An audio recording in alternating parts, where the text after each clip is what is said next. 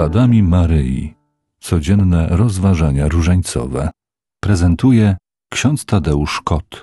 Święty Paweł w dzisiejszym fragmencie listu do Efezjan, który słyszymy w liturgii Słowa Bożego, mówi, że Chrystus zamieszka w naszych sercach przez wiarę, abyście w miłości zakorzenieni i ugruntowani zdołali ogarnąć duchem i poznać miłość Chrystusa.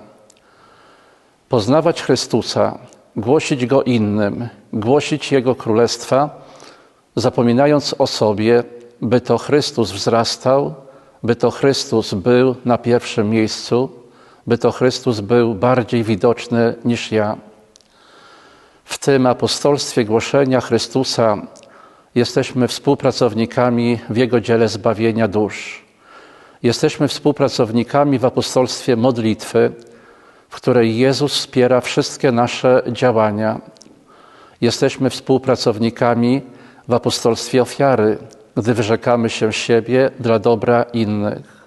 Maryjo, bądź nam przewodniczką i ucz nas mówić z odwagą o Twoim Synu w dzisiejszym świecie.